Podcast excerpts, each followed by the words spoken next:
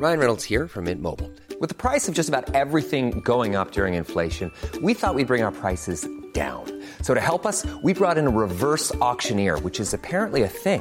Mint Mobile unlimited premium wireless. Ready to get 30, 30, bit to get 30, bit to get 20, 20, 20, bit to get 20, 20, bit to get 15, 15, 15, 15 just 15 bucks a month. So, Give it a try at mintmobile.com slash switch. $45 upfront for three months plus taxes and fees. Promo for new customers for limited time. Unlimited more than 40 gigabytes per month. Slows. Full terms at mintmobile.com. Da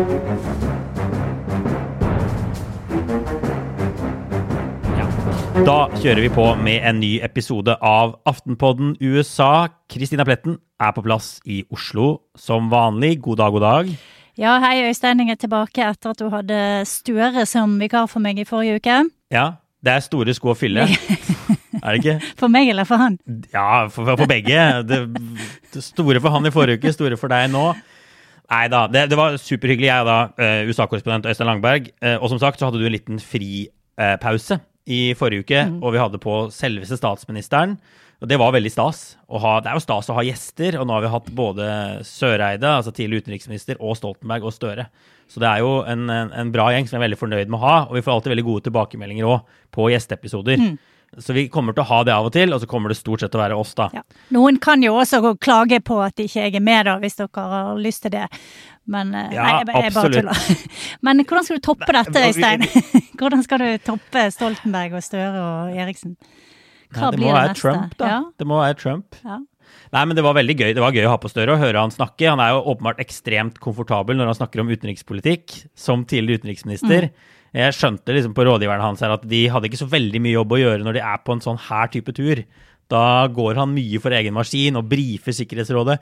Eh, Et, altså, så vidt jeg skjønte, så så han at de snakket fransk på første dag, så da fikk han oversatt deler av sitt innlegg til fransk på dag to, og holdt altså switcha da, fra engelsk til fransk som jo jeg må si, varmer et sånt gammelt europakorrespondenthjerte, hvor ringrevene i Brussel gjerne starta på engelsk, switcha til tysk midt i, avslutta på fransk. Det var jo ikke uvanlig.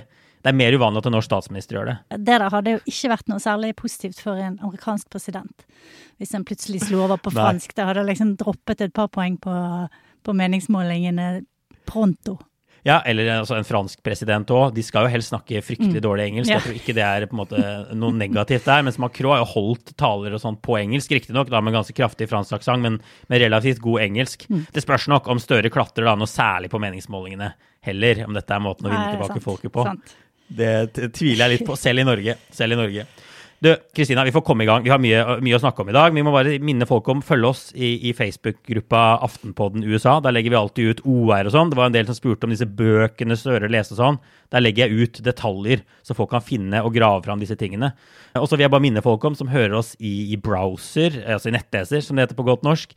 Eh, Vi finnes på iTunes, Spotify, ligger åpent ute, så da kan man få oss inn i feeden hver eneste, eneste uke. I dag da, Kristina, så er planen å snakke litt om eh, høyesterettsdommer Stephen Breyer, 83 år gammel eh, veteran, som nå gir seg for eh, presset og slipper yngre krefter til.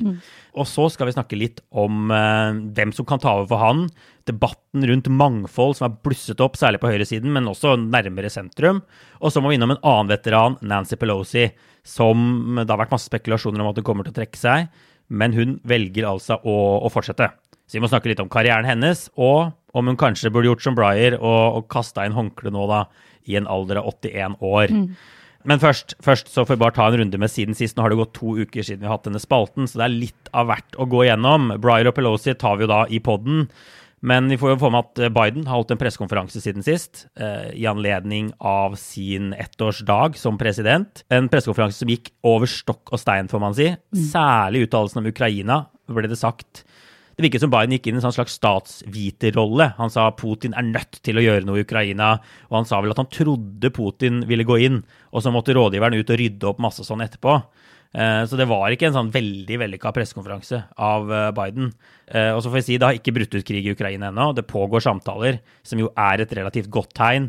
Vesten er kanskje sånn semisamlet. Det er litt, litt sprekker, men også ser du da, som det vil få konsekvenser hvis Russland finner på noe eh, som Vesten kan stille seg bak, gjør det ikke det? Jo, og det var jo også et møte i Sikkerhetsrådet der eh, Russland og USA klasjet ganske hardt, og Ja. der russerne faktisk fikk støtte av Kina, og det er jo også litt bemerkelsesverdig, vil jeg si. Men foreløpig øh, bare klasjer, muntlige klasjer, er jo da bedre enn varm konflikt. Det får man eh, si.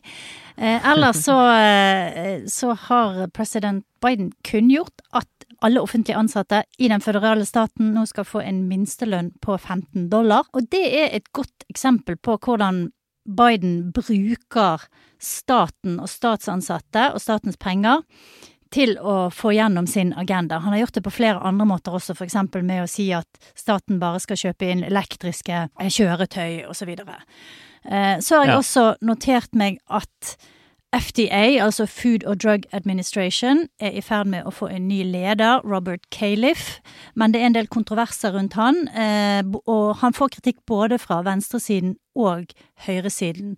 Så der er det en dragkamp på gang i Kongressen. Mm. Og så har det jo vært en kontrovers om denne podkastkjendisen Joe Rogan. Ja. Ikke Christina Pletten. Ikke Christina Pletten enda. Men uh, Joe Rogan har altså um, fått kritikk fra annet Neil Young og Joni Mitchell. De har sagt at de ikke vil uh, ha sine sanger på Spotify så lenge Joe Rogan er der. Og da har Spotify sagt nei vel, da får dere la være til det, for de har betalt noe sånt som 100 millioner dollar for å ha Rogan på sin plattform.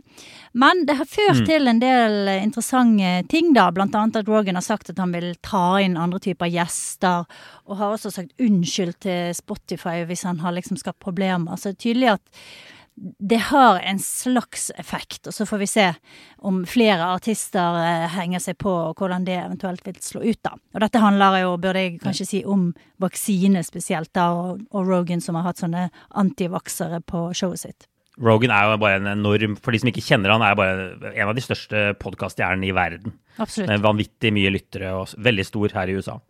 Så det er, det er spennende. Og så får jeg bare ta med helt til slutt at USAs økonomi har vokst som bare det i 2021 med 5,7% som er beste veksten siden 1984. Så skjer det selvfølgelig etter en kraftig tilbakegang i 2020, i pandemiåret. Men dette viser da igjen at det er egentlig liksom Bildet er mer nyansert enn man får inntrykk av. Inflasjonen får veldig mye oppmerksomhet og slår da tydeligvis mye hardere inn enn disse gode nyhetene. Men det er noen veldig sånn underliggende gode nyheter i bånn. Eh, vi- Dette ble bl.a. diskutert på gruppa vår og ble lagt ut denne skrytesliden som Biden og de laget, Det hvite hus laget av denne kraftige økonomiske veksten. Det virker bare ikke som de klarer å slå igjennom med disse gode nyhetene. Det virker som inflasjonen er tettere på kroppen enn BNP-veksten, eh, og det er jo kanskje naturlig. Altså vil bare si for ordens skyld, altså BNP-tallet er alltid justert for inflasjon, så det er ikke inflasjonen som gjør at den vokser så raskt. Dette er vekst utover inflasjon. Så, så veldig, veldig solide tall fra amerikansk økonomi. Du, la oss sette i gang med hovedtema. Vi begynner i Høyesterett, tenker jeg. Det var jo i og for seg en litt ventet nyhet, men også en ganske stor nyhet. Det er det alltid når en høyesterettsdommer gir seg. Og nå er det altså snakk om den eldste av de ni høyesterettsdommerne, Stephen Breyer, 83 år gammel, som kunngjør at han går av. Vi laget en episode om Breyer og denne høyesterettskampen i fjor. Og da snakket vi bl.a. om den ja, svært spesielle press, presskampanjen altså, som deler av venstresiden har utført mot Breyer. En veldig sånn åpen kampanje for at han skal gå av. Eh, utenfor høyesterettsbygningen i Washington DC der, så hadde de bl.a. leid inn en lastebil med en sånn stor Breyer Retire-skilt som de kjørte rundt og rundt for, liksom, ja, for å legge press på han. Så hoppa mediene på det. Eh, det har blitt skrevet masse kronikker og den type ting òg. Kjente politikere har holdt seg litt i bakgrunnen. Det er ikke sånn Biden har ringt han og sagt nå må du gå av. Det ville være uhørt. Men i, i, fortsatt mye mer offentlig kampanje enn vi har sett, i hvert fall i nyere amerikansk historie, på å få en høyesterettsdommer til å gå av. Ikke sant? Og det er jo en lærdom fra Ruth Bader Ginsburg, som ikke gikk av, ble gammel, døde til slutt, mens republikaneren hadde kontroll i Kongressen og i Det hvite hus. Da kan de utnevne en republikansk dommer. Det vil de unngå for enhver pris nå, så nå vil de ta Breyer før han, før han da eventuelt dør eller blir så gammel at han, han må gi seg. Og så tar de og bruker sjansen når de har full kontroll, og så får de bytta han ut med en liberal dommer. Det er det som skjer her. Men du Kristina, hva tenker du om presse, altså den presskampanjen? Har det fungert? Er det, var det ufint? Det har jo tydeligvis fungert siden han eh, nå går av. Eh, jeg tenker faktisk at det er helt greit. Det hadde vært noe annet hvis han var liksom 65, da. Men han er jo faktisk nesten 20 år eldre enn 65, Ja, liksom. Eh, så det at dommerne skal sitte til de er nesten 90 år Jeg, jeg bare, jeg forstår Eller dø i jobben, da, det. Jeg forstår ikke Ja. Ja, eller dø i jobben. Ja, de dør i jobben, og det er eh, Jeg forstår ikke helt hva argumentene er for det. Altså, Bader Ginsburgs argument var liksom at ingen har presset uh, menn, men når jeg kommer som kvinne, så, så presser de meg til å gå av. Og gjorde det til en sånn slags uh, kjønnskamp, da. Mm. At hun ble sittende. Eh, Og jeg tenker at hun undergravde veldig mye av sine egne saker med å, å ende opp på den måten som hun gjorde. Var veldig uheldig eh, for eh, demokratene og for alle ting som hun trodde på. Og når Breyer da er 83 år Demokratene har jo kanskje bare dette flertallet som kan få en ny dommer eh, eh, gjennom i under et år til. Så må han faktisk gå av nå hvis, hvis Biden skal klare å få sin kandidat gjennom. Så eh, med tanke på hvordan det har vært i de tidligere årene, så tror jeg at det, det var veldig riktig. Ja. Og, og, og det, var jo, det er jo litt sånn debatt om den kampanjen fungerte, fordi det virket jo en stund som den fungerte mot sin hensikt. Breyer, Breyer utga en bok hvor han var veldig opptatt av at de ikke er politikere i kapper, har han sagt. Disse, disse dommerne er litt sånn politisk uavhengige. Eh, vi må ikke gjøre oss til politikere, da svekker vi domstolen renommé. Så det har vært litt bekymring for om, for om Breyer faktisk mente det han sa, og ikke så hvor farlig det kunne være om han fortsatte, da, om Breyer hadde blitt bytta ut, eventuelt med en, enda en konservativ dommer noen år uh, ut i fremtiden. For vi må jo bare si at altså, Ruth Bader Ginsburg, det at hun ikke gikk av, og at Obama fikk, Obama fikk utnevnt en, eh, en liberal, venstreorientert dommer, har jo hatt enorme konsekvenser. Nå har de konservative seks av ni dommere, et solid flertall. Vi kan ende opp med at uh, abortloven innstrammes noe voldsomt i USA, eller at bare den føderale retten forsvinner helt. Du kan ende opp med en ganske kraftig liberalisering av våpenlovene denne våren i USA, som er direkte konsekvenser av Ginsbergs på en måte man skal, Jeg vet ikke hva man skal kalle det feilkalkulasjon, da, men at hun ikke ville gå av. Eh, så uh, Ja. Breyers utnevnelse vil jo ikke ha så mye å si, fordi det vil uansett være Du bytter en liberal dommer med en annen liberal dommer. Eh, så dette konservative flertallet vil jo bli der fortsatt. Ja da, men eh, det har jo det å si at eh, du, du sannsynligvis kunne fått en helt annen type dommer hvis du hadde ventet et år eller to da, Ja, ja. og hadde hatt en republikansk styrt kongress. Ja.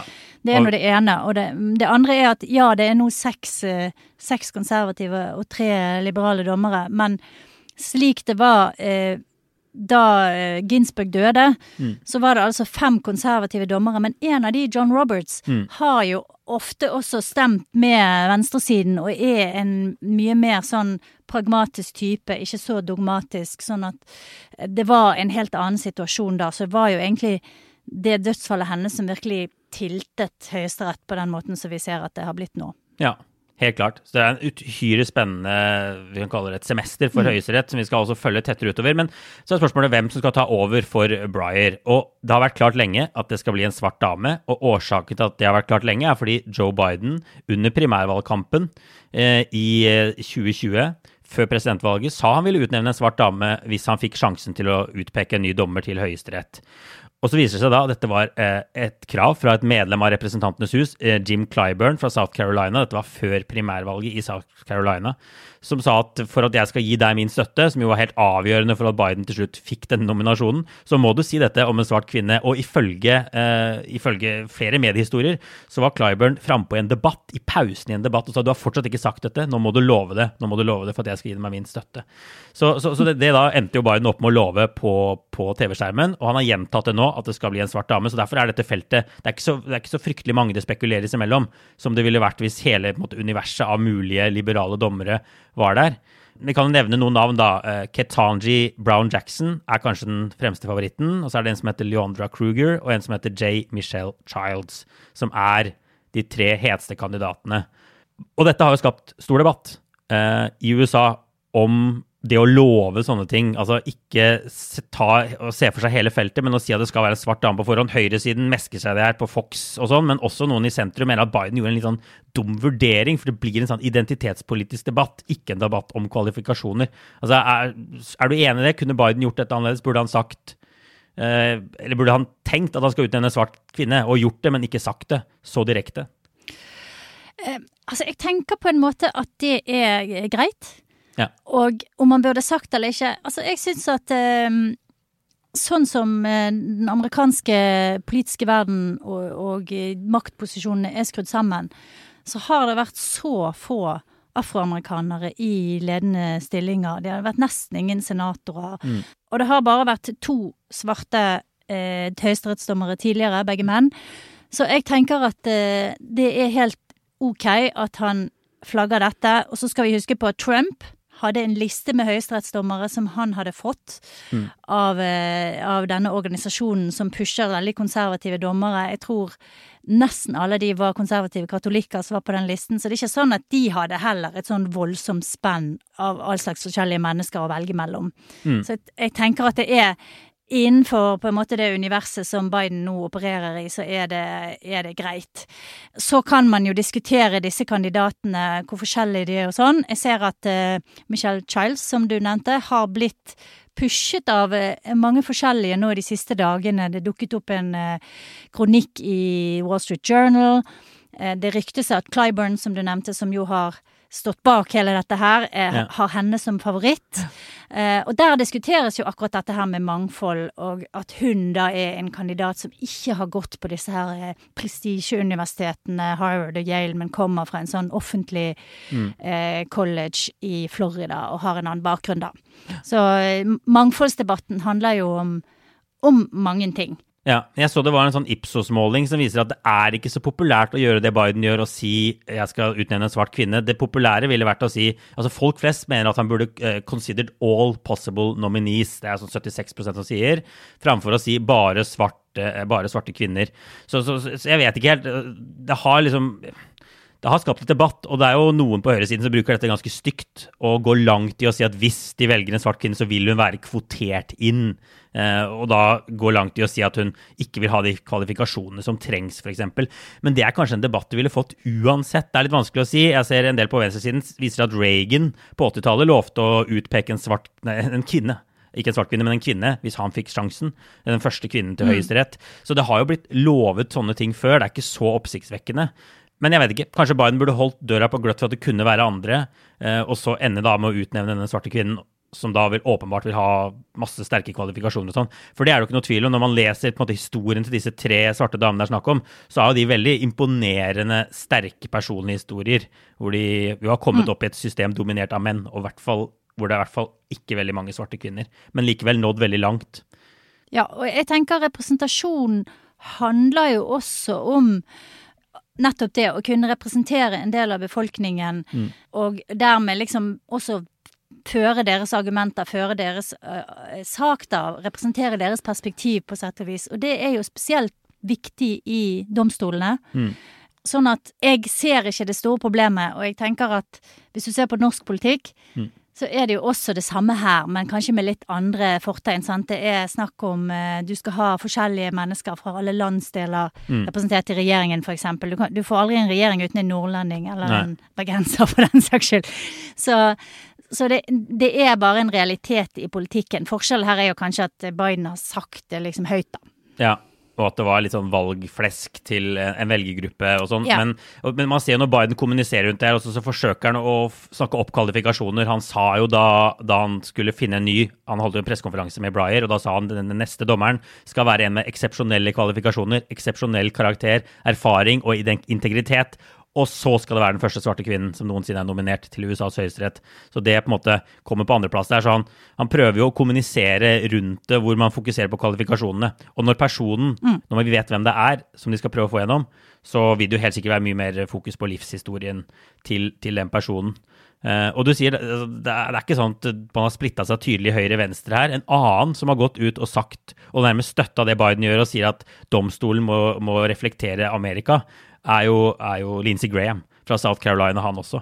Som, som, som merkelig nok var en av ytterst få republikanere som stemte for hun eh, Jackson eh, da hun tidligere da, i denne perioden her ble tatt opp i en sånn ankedomstol i DC. Så han har faktisk stemt for henne før. Eh, og det, det, Vi bør kanskje snakke litt kjapt om det. altså Kommer Biden til å få gjennom disse folka? Dette skal gjennom Senatet. Eh, det er jo sånn at Biden utnevner en kandidat, og så må Senatet godkjenne. 50% av Senatet må si tommel opp. Og da, blir man, da får man plassen på høyesterettsbenken. Det er jo ikke så lenge siden, eh, siden de fjernet filibusteren Nei. på høyesterettsdommere. Så nå er det jo, som du sier, bare enkelt flertall, da. Og da tror jeg jo det er enklere for Biden å få dette her igjennom. Men han må jo selvfølgelig ha med seg alle sine egne. Ja. Og der er det vel eh, eh, fortsatt sånn at du har det der spennet, og du har disse her moderate i midten som kanskje har sine, sine tanker. Men jeg vil jo kanskje tro at Manchin og Cinema ikke nok en gang vil liksom være de som eh, ødelegger for Biden og setter fot på Biden. Så jeg Nei. tenker jo at han, hvis, hvis det ikke kommer opp noe helt spesielt, så, så skal det mye til at ikke han får sin kandidat igjennom, tror jeg, da. Ja, det virker sånn på meg òg. Og det virker som de har lyst til å gjøre dette ganske raskt og, og få dette gjennom kjapt. Og hvis vi sier at uh, Ketanji Brown Jackson er den store favoritten, eller en av favorittene her, så nevnte jeg nettopp at hun ble godkjent av det samme senatet til en annen domstol lenger ned i systemet i, altså, i fjor. Så, så, så de har nylig godkjent henne også, som gir sterkere argumenter for å godkjenne igjen. Så antageligvis så vil dette gå igjennom. Kanskje de til og med får med seg en republikaner eller to på å stemme henne igjennom. Men det er ikke sånn som i gamle dager, at man kunne få Jeg husker ikke hva Breyer, Breyer ble godkjent med sånn nesten hele senatet sto bak. Det er ikke så mange tiår siden han ble satt inn i Høyesterett. Sånn er det ikke lenger nå. Det er jevne Du får ikke masse republikanere med deg på en sånn her utnevnelse. Men kanskje noen. Jeg skal bare nevne at eh, jeg snakket innledningsvis litt om eh, sjefen til FDA. Han skal også godkjennes av Senatet, og dette er grunnen til at det er så viktig å ha eh, flertall i Senatet, da. Eller en av grunnene er at de godkjenner alle mulige slags sånn utnevnelser, også ambassadører. eh, Masse, masse forskjellige stillinger i, i staten. Jeg tror Ja. faktisk det er snakk om flere tusen. Så, så det er en viktig grunn til at flertall i Senatet betyr mye. Men bare sånn helt til slutt, uh, før vi går videre. altså, Tror vi dette kan bety noe politisk? Det at Biden får denne muligheten til å utnevne denne dommeren? Man kan jo se for seg på en side at det gir en vitamininnsprøytning. Uh, at svarte velgere blir mer entusiastiske. Biden har jo slitt litt med basen sin også, har vi sett på målingene. Kanskje noen flere vil gå ut til urnen i november når de ser at han gjør noe han har lovet da, på et område, og faktisk endrer hvordan institusjonene i USA ser ut. Jeg vet ikke, Det som i hvert fall er sikkert, er at Høyesterett blir utrolig synlig denne våren. Dette er enda en grunn til at Høyesterett blir synlig denne våren. Vi nevnte jo disse viktige sakene som skal opp. Hva tror du? Eh, ja, eh, og så kan det slå ut andre veien hvis eh, det er sånn at de presser igjennom en kandidat som er for radikal, eh, for langt ut på venstresiden, så kan det også motivere eh, høyresiden og de eh, konservative republikanerne. Republikanerne er ekstremt opptatt av uh, Høyesterett. Eh, det er en av de sakene som betyr mest for de. Jeg tror kanskje at det figurerer en god del høyere på prioriteringene enn det gjør for demokratiske velgere, da. Så sånn sett så, så er det litt sånn uh, usikkert for meg om det er vinn eller tap for Biden. Ja. Kommer litt an på kandidaten, tror jeg. Ja. Og også hvordan de gjør det i disse høringene, da. Hva de sier i høringene. Normally, being a little extra can be a bit much, but when it comes to healthcare, it pays to be extra. And United Healthcare makes it easy with Health Protector Guard fixed indemnity insurance plans. Underwritten by Golden Rule Insurance Company, they supplement your primary plan, helping you manage out of pocket costs without the usual requirements and restrictions like deductibles and enrollment periods. So when it comes to covering your medical bills, you can feel good about being a little extra. Visit uh1.com to find the Health Protector Guard plan for you. Hey, I'm Ryan Reynolds. Recently, I asked Mint Mobile's legal team if big wireless companies are allowed to raise prices due to inflation. They said yes. And then when I asked if raising prices technically violates those onerous two year contracts, they said, What the f are you talking about, you insane Hollywood ass? So to recap, we're cutting the price of Mint Unlimited from $30 a month to just $15 a month. Give it a try at mintmobile.com slash switch. $45 up front for three months plus taxes and fees. Promo for new customers for limited time. Unlimited more than 40 gigabytes per month. Slows. Full terms at mintmobile.com. Bra. Vi får gå videre og snakke om Det har vært mye snakk om Senatet, presidenten. Vi skal snakke om Representantenes hus i resten av denne podden. Og rett og slett Nancy Pelosi, speaker i Representantenes hus. Eh, hun er 81 år. Hun har vært speaker eh, flere ganger. Og det har vært nå spekulert i om hun gir seg. ikke sant? Hun måtte ta stilling til nå da før mellomvalget til høsten om hun skulle vel gå for valg i en ny toårsperiode, eller om hun skulle trekke seg og slippe yngre, yngre krefter til. Og nyheten kom nylig nå om at hun velger å stille til gjenvalg. Så det blir mer Nancy Pelosi. Hun er fra et distrikt som hun garantert kommer til å vinne. Så det betyr at det blir Nancy Pelosi i hvert fall til 2024 i amerikansk politikk. Vi kan jo bare først altså, snakke bare litt kort om hvem denne dama er. Det er jo et navn også ganske mange nordmenn kjenner, fordi hun har vært så markant. Hun var den første kvinnelige spikeren i amerikansk historie da hun kom til makten da i 2007. Og så har hun også blitt kalt mm. den mest gjennomslagskraftige og effektive spikeren. Noen sier på mange mange tiår, siden før krigen, den type ting. Hva er din vurdering her? Jeg vet at du driver og leser en biografi ja. om henne og allting, så det er veldig, vi har gjort grundig ja. research nå. Ja, eh, og jeg, eh, jeg, tror jo det er riktig at Pelosi absolutt er en av de mest effektive politikerne, i hvert fall i USA. Det skal kanskje ikke så mye til. Eh, men hun er jo interessant også Altså, hennes personlige historie er interessant. Hun er født og oppvokst i Baltimore. Mm. Datter av ordføreren i Baltimore, og både faren og broren var faktisk ordførere der. Og, og vokste opp i en sånn stor eh, italiensk katolsk familie eh, med fem brødre. Eh, Pelosi fikk tidlig ansvaret for det som var farens såkalte favor file. Altså det var en sånn logg over eh, tjenester som folk hadde kommet og bedt han om, da. Ja. Eh, og som de kunne bruke til å liksom be om gjenytelser når det var trengs når, det skulle, når de skulle opp til valg osv. Så, videre. så allerede fra Pelosi var veldig ung, så lærte hun på en måte dette her politiske spillet. Ja. Og var spesielt involvert i å samle inn penger. Og dette her med å knytte nettverk. Mm. Og det tok hun med seg videre eh, først i liksom en rolle som en sånn mer som bakgrunnsfigur. De flyttet jo etter hvert, hun og mannen, til California og San Francisco. Hun fikk eh, fem barn på seks år. Oi. Og var jo først og fremst da eh, engasjert i politikken som frivillig. Og som en sånn eh, eh slags eh, eh, kraft i bakgrunnen, da. Ja. Så det var ikke før hun nærmet seg 50 år at hun stilte til valg for første gang i Kongressen, og ungene var vokst opp og store, og hun kunne engasjere seg mer formelt. Eh, og det eh, gjorde kanskje at hun kom inn med en helt annen bakgrunn enn veldig mange av hennes samtidige som hadde mm. deltatt i dette her opprøret på 60- og 70-tallet og vært aktivister osv. Pelosi kommer fra en helt annen bakgrunn. Hun kommer fra et konservativt hjem. og var mer et produkt av det de kaller the machine, altså det eh, demokratiske partiet som var, eh, var liksom ja. opptatt av fagforeninger og og, og, den organiserte delen av politikken, da. Ja.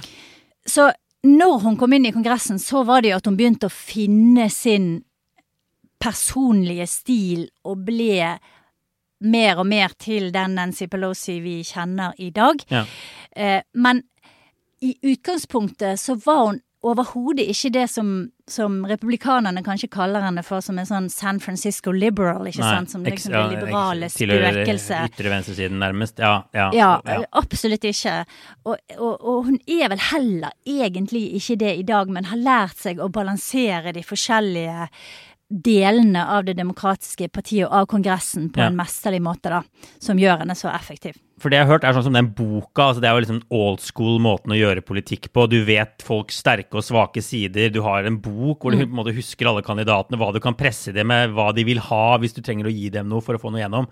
Og det er jo noe av dette som man snakker om når man snakker om at hun er så effektiv. Altså Da, da viser folk til ting som at hun har fått gjennom Obamacare den enorme helsereformen til Barack Obama, som på det tidspunktet var ganske upopulær. Eh, mange mer moderate demokrater som syntes det var vanskelig å stemme for. Så det var ikke sånn superenkelt å få dette greiene, greiene gjennom. Eh, infrastrukturreformen til Biden er noe annet hun har fått igjennom. Eh, finanskrisereguleringer, den type ting. Mm. Eh, hvor hun får da en del av æren for å ha holdt eh, et ganske sånn uregjerlig masse med demokrater sammen. Eh, man må huske på at det finnes Senatet fremstår ofte som mer moderat. Folk representerer store stater og sånn. Mens det kan være ganske mye det er mye mer e-, ekstremisme, mye mer ekstreme ytterkanter i, i Representantenes hus. Eh, som hun da må prøve å holde styr på og, og, få med seg på ting. Og folk som er gjerne er villige til å stemme ned sin egen president eh, hvis de kan, på en måte. Vi har jo sett eksempler på det også. Det var ikke alle demokrater mm. som stemte for infrastrukturpakka engang. Eh, men hva tenker ja, og, du ja. Hvorfor liksom kalles hun så effektiv? Er det, er det med rette? Ja, altså Pelosi har vel aldri tapt en sånn skikkelig avgjørende stor avstemning i Representantenes hus. Nei. Fordi at hun alltid vet at hun har stemmene før hun bringer en sak til gulvet, ikke sant. Og det handler jo om akkurat det der, å ha kontroll og vite hvor du har medlemmene, og kunne både lokke og lure og piske. Ja. Um, og det som hun gjør, som kanskje er eh, bare Trump som gjør like godt som henne, da, det er at hun, hun samler inn penger. Hun reiser rundt til de forskjellige representantene, til deres distrikter. Hjelper de med å samle inn penger til sine valgkamp, eh, valgkamper. Og de i, i Representantenes hus så stiller jo de til valgkamper hvert annet år, så de er jo hele tiden i valgkampmodus og trenger penger. Ja. Eh, og det er ingen som er så effektiv i å samle inn penger som hun er. Så det gjør at hun også har den der eh, den makten eh, og det lokkemiddelet overfor sine, overfor sine medlemmer.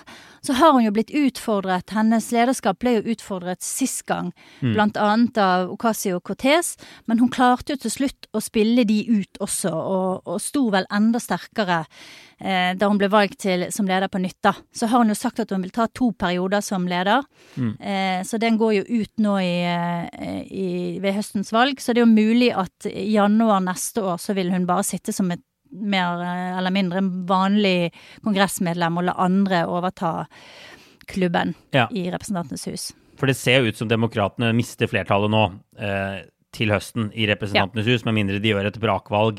Eh, og da vil jo Pelosi også miste denne, denne hammeren, også, eller klubba, som vi kaller Det Det vil hun Og så- uansett, det er og så riktig. vil- Og så Ja. vil hun da være vanlig med dem. Og så er spørsmålet hvor lenge hun skal fortsette, da. 81 år, hvor mange ganger Også, det, det det er vel få som tror hun ønsker da en ny periode som speaker i fremtiden. Som du sa, det var jo ganske mye snakk om at de trenger å slippe yngre krefter til da hun ved forrige korsvei stilte igjen. Um, så, så, og den debatten vil jo helt sikkert bare bli sterkere og sterkere ettersom Pelosi blir eldre og eldre. Men hun har i hvert fall vist at hun, hun fortsatt har fingeren på pulsen på Det demokratiske partiet under denne Biden-perioden. Det er jo i Senatet ting virkelig har variert. Og jeg ser eh, Chuck Schumer får ganske mye kritikk for måten han har håndtert mer sånn eh, moderate demokrater, som Joe Manchin, Kirsten Cinema, og skjøvet de litt ut i kulda og ikke klart å holde dette greiene sammen i det hele tatt. Eh, mens Pelosi Ja. har unnsluppet sånn kritikk. Mer. Ja, men eh, Schumer er jo eh, en mye svakere leder, i hvert fall det han har vist hittil er ikke spesielt eh, imponerende, altså. Eh, og så har jo by, eh, Pelosi var jo også veldig god til å hamle opp med Trump. Satte han på plass eh, ved et par anledninger. Eh, mest eh, notorisk på et sånt møte som ble direktesendt på TV i Det ovale kontor, der hun og Chuck Schumer møtte Trump eh, når staten var stengt ned, eh, og de, de var i krise. Eh, Trump forlangte penger til muren sin før han ville åpne opp igjen, og, og det endte med at Pelosi fikk Trump til å innrømme at det var hans feil. Og så er det sånn, eh, noen sånne ikoniske TV-bilder der hun går fra Det hvite hus i en sånn rød kåpe og tar på seg solbriller, og det ble et sånt mem på nettet som, som virkelig gjorde henne til en slags sånn legende, da. Som hun kanskje ikke hadde vært så mye før Trump-årene, faktisk. Da Nei. var det mye mer delte, men hun var mer kontroversiell. Så hun har bygget sitt brand de siste årene, også ved hjelp av motstanden til Trump. Og det kan jo hende at en av hennes eh, eh, En av de tingene som vil være hennes ettermæle, vil også være denne granskningen av 6. januar som de holder på med, Ja. og som hun også holder sin hånd over, ikke sant. Så, Ja. så vi får se. Ja. Det fikk jo også veldig mye oppmerksomhet da hun rev eh, Trumps State of the Union i to Ja. eh, i, i, inne i Kongressen der. Det var kanskje litt over det toppe, også noen si. Det var i hvert fall, eh, fikk i hvert fall mye oppmerksomhet. Det ble en meme, det òg. Så hun har, jo, hun har jo skrevet seg inn i historiebøkene. Men hun vil nok huske for, bli husket for store lovpakker som har endret USA, da. Og, eksempel, ja, som vi nevnte, Obamacare. Spørsmålet er jo om Pelosi burde kjent sin besøkelsestid og bare gått av nå og sagt nå slipper vi nye krefter til. Vi taper antageligvis valget til høsten. Vi har utrolig mye gamle folk i partiet. Eh, Vi har en president som er gammel. Eh, altså, det er noe sånt som altså, i, i, I Representantenes hus er gjennomsnittsalderen 58 år. I Senatet er det 62 år, sist jeg sjekka de tingene her. I Stortinget er det altså 46, rundt 46, så det er vesentlig, vesentlig yngre i Norge. Det er veldig, veldig få norske politikere som er over 70, veldig få over, uh, over 80. Uh, mens, mens Representantenes hus er jo sånn som Dianne Feinstein, som er 88 år, f.eks. Hva tenker du? Er det på tide Også at fra eh, California. Ja, også fra California. Ja, Og, og det som også skjer, er jo at disse eh, som leder komiteene, det går jo på senioritet. Ja. Sånn at de er jo også eldgamle, alle de som er, er komité for menn og kvinner, da. Eh, så, så Kongressen er jo styrt av folk som er enda eldre enn gjennomsnittsalderen, som allerede er høy. Eh, jeg tror dilemmaet for Pelosi er litt det samme som Biden hadde. Det er at de ser ikke at det er gode nok folk etter de. Nei. Det mangler på en måte en generasjon Ja. eh, Her henger profiler. problemene sammen med hverandre, på en måte. Hvem, hvem sin Ja, skyld er det? og så samtidig så er det sånn hvis ikke de har eh, Hvis ikke de gir plass til andre, så kan de heller ikke få noen til å etterfølge seg. Så Nei.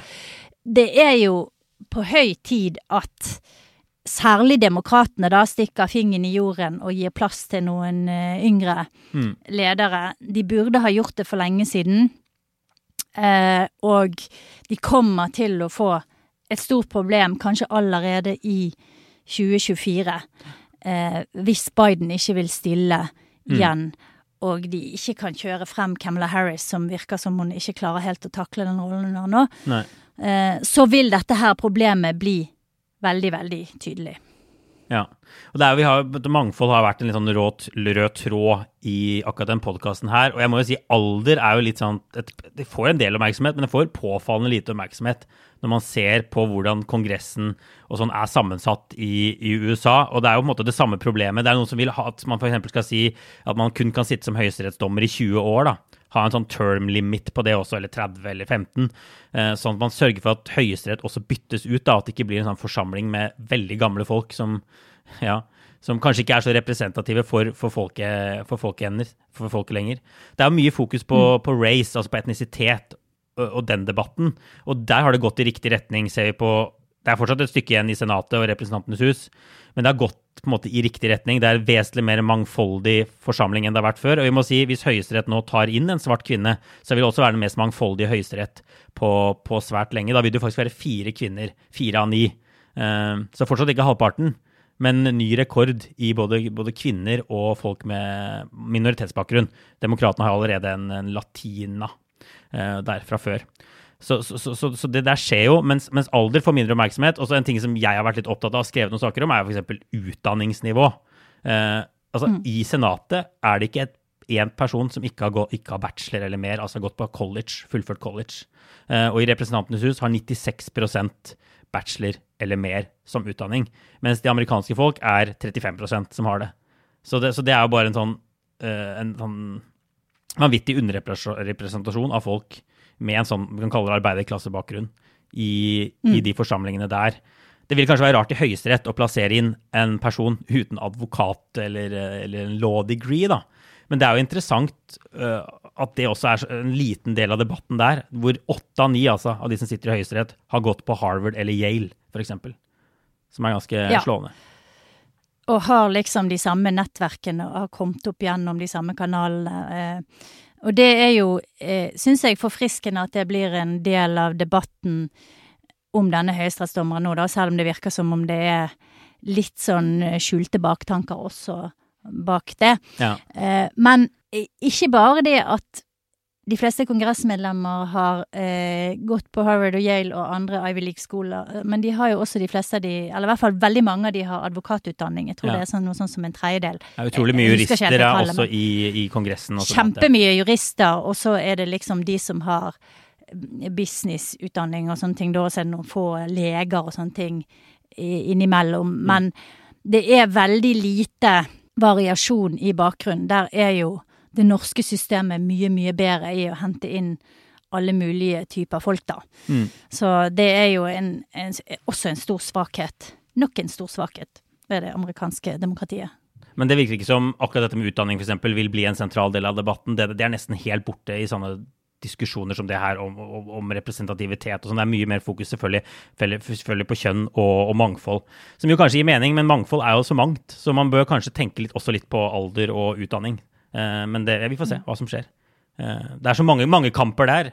Eh, Biden har vel faktisk ikke gått på et sånn eliteuniversitet, tror jeg. Han, han kommer fra en litt mer sånn egalitær bakgrunn, så Men han er jurist, han òg. Så alt er relativt. Men ja, han har ikke gått på Ja. Ivy League, tror jeg. Sånn som veldig veldig mange amerikanske presidenter har gjort. Til og med Trump uh, hadde gått på et Ivy League-universitet.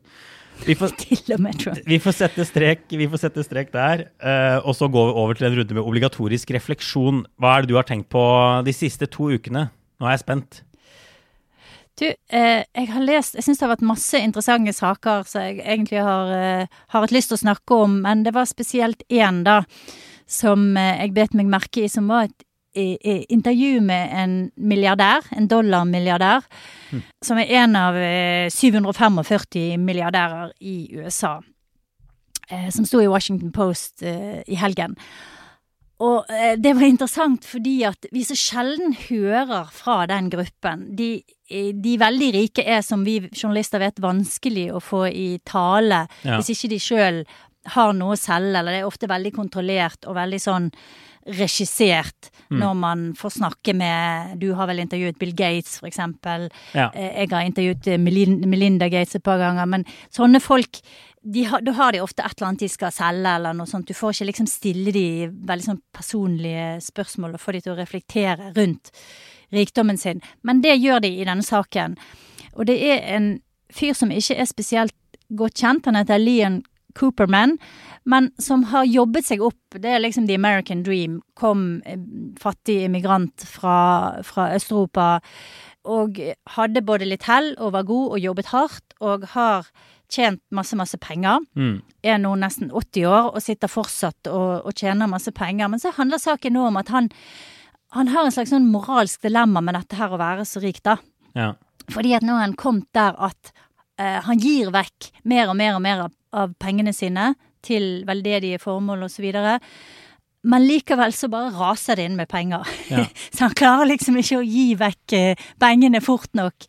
Eh, og så spør han også i det intervjuet hva skulle jeg gjort annerledes? Har jeg gjort noe galt? Jeg har jo bare jobbet hardt. Jeg har liksom Jeg har fulgt oppskriften til The American Dream, og jeg har klart det. Ja. Og ikke det er en god ting. Og det som er, jeg, jeg syns er interessant med, med, med det intervjuet, og de tankene jeg fikk, var jo nettopp det at dette her er blitt et paradoks. Fordi at dette systemet er blitt så selv, selvforsterkende at de rike bare blir rikere og rikere, nesten uansett hva de gjør, da. Og det gjør eh, at, at kapitalismen, den amerikanske kapitalismen, fungerer mer og mer i, i, i å lage et sånn strekk i økonomien, øke forskjeller mellom folk, gjør det vanskeligere og vanskeligere for ungdom å følge nettopp den drømmen som han gjorde Ja. eh, da han begynte på 50-60-tallet, ikke sant? Da forskjellene var på det aller minste Ja. mellom fattig og rik i amerikansk historie. Så det er et superinteressant intervju. Eh, det En tar ikke noe reflektert jeg- milliardær, er det rett og slett den anbefalinga, på en måte? Som Ja, går på litt en i seg måte, selv. men, men Ja, på en måte, men han, han Jeg vet ikke om han helt forsvarer sin egen posisjon godt nok, men jeg syns i hvert fall det var interessant å lese han, hans refleksjoner, og så er det presentert på en veldig sånn nøytral måte. Ja. Eh, Så jeg syns både journalistisk at det var interessant, og også eh, så er det noe som får deg til å tenke litt, da. Så ja.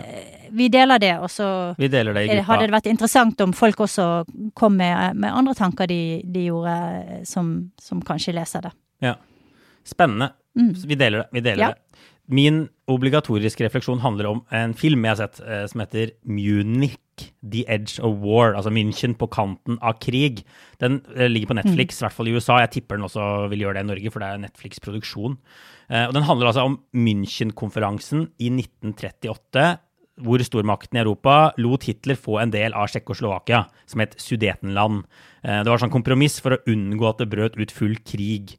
Eh, Og det som er enda mer kjent med denne konferansen, er at den britiske statsministeren, Neville Chamberlain, Chamberlain han kom hjem og vifta med et ark eh, og sa han hadde inngått en avtale som han ville gi peace for our time. Det er mange som tror han sier peace in our time, det trodde jeg òg, men det viser seg å være for our time. Um, men ikke sant? Chamberlain har jo blitt en sånn figur som er blitt symbol på svakhet, naivitet, ettergivenhet. Appeasement har jo nærmest blitt et sånn skjellsord pga. det. At man må vise på en måte ikke gjøre som Chamberlain, man må gjøre som uh, han som kom etterpå, Winston Churchill, og vise styrke mot diktatorer. Uh, og Chamberlain blir ofte trukket fram i USA. Eh, Obama, da han skrev under atomavtalen med Iran, så ble han sammenlignet med denne britiske svake, håpløse statsministeren. Men det Munich gjør, da, er å på en måte forsøke å gjenreise, nyansere, oppreise Chamberlain litt. Han spilles litt Han spilles av Jeremy Irons. Han spilles altså, ikke som en sånn superhelt, får vi si, men mer sånn helteaktig, mer reflektert, smartere, da. Mer strategisk enn det man har fått følelsen av før. Eh, den historien har blitt fortalt veldig som han gjorde alt feil, Churchill gjorde veldig mye riktig. Men det de mener, da, blant annet i filmen, er at han eh, at lysten på krig eksempel, var veldig lav etter første verdenskrig. Det var ikke sånn at han nødvendigvis ville hatt med seg landet sitt på å gå til krig i 1938 over en bit av Tsjekkoslovakia. Og han kjøpte seg dyrebar tid ved å undertegne en avtale med Hitler, sånn at han kunne ruste opp Storbritannia. så Det kunne være klart når krigen faktisk kom. Eh, så det var litt interessant å se. Eh, det har pågått noen år, og historikere debatterer dette, og noen mener at denne filmen er helt på jordet, selvfølgelig. Eh, men hovedhistorien i filmen er bare fiksjon, om, noen, om noen gutter som måtte jobbe rundt disse statsministrene og sånn, og, og rundt Hitler. Men det er interessant å se, syns jeg. Så verdt, verdt mm. å se den filmen. Da er egentlig begge ordene i dag handler litt om å utfordre sine satte oppfatninger, da. Ja, absolutt. Absolutt. Og spørsmålet er om den vil påvirke debatten her i USA, f.eks. om Hvor det er jo en sånn hang i utenrikspolitikken til at å vise styrke, muskler og gjøre noe er veldig fromt. Være som Churchill, og ikke være som, som Neville. Eh, Eh, vise kompromissvilje og ettergivenhet og sånn. Men eh, Jeg vet ikke hvor mye det har å si, men det er bare spennende med litt nye måter å se verden på. Så det var Munich. Vi legger ut en eh, lenke til alt.